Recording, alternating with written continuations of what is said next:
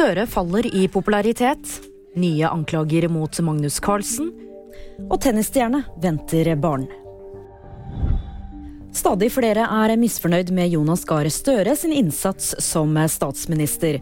Bare 22% mener Støre gjør en god jobb, mens hele 38% mener han gjør en dårlig jobb. Det viser en måling Respons Analyse har utført for VG. Arbeiderpartiet har lave målinger, og da er det noe som partilederen må ta med seg, sier Støre.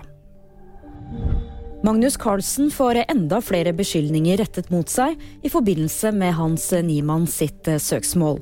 Den jukseanklagede sjakkspilleren hevder Carlsen skal ha betalt andre norske spillere for å håne ham verbalt. Det skriver Aftenposten. Den amerikanske 19-åringen har saksøkt bl.a. Carlsen for ærekrenkelser. Naomi Osaka blir ikke å se som tennisspiller igjen med det første. Den firedoble Grand Slam-vinneren avslører nemlig at hun venter barn. Tidligere denne uken ble det kjent at den 25 år gamle japaneren ikke stiller i årets Australian Open. Det var VG nyheter, og de fikk du av meg, Julie Tran.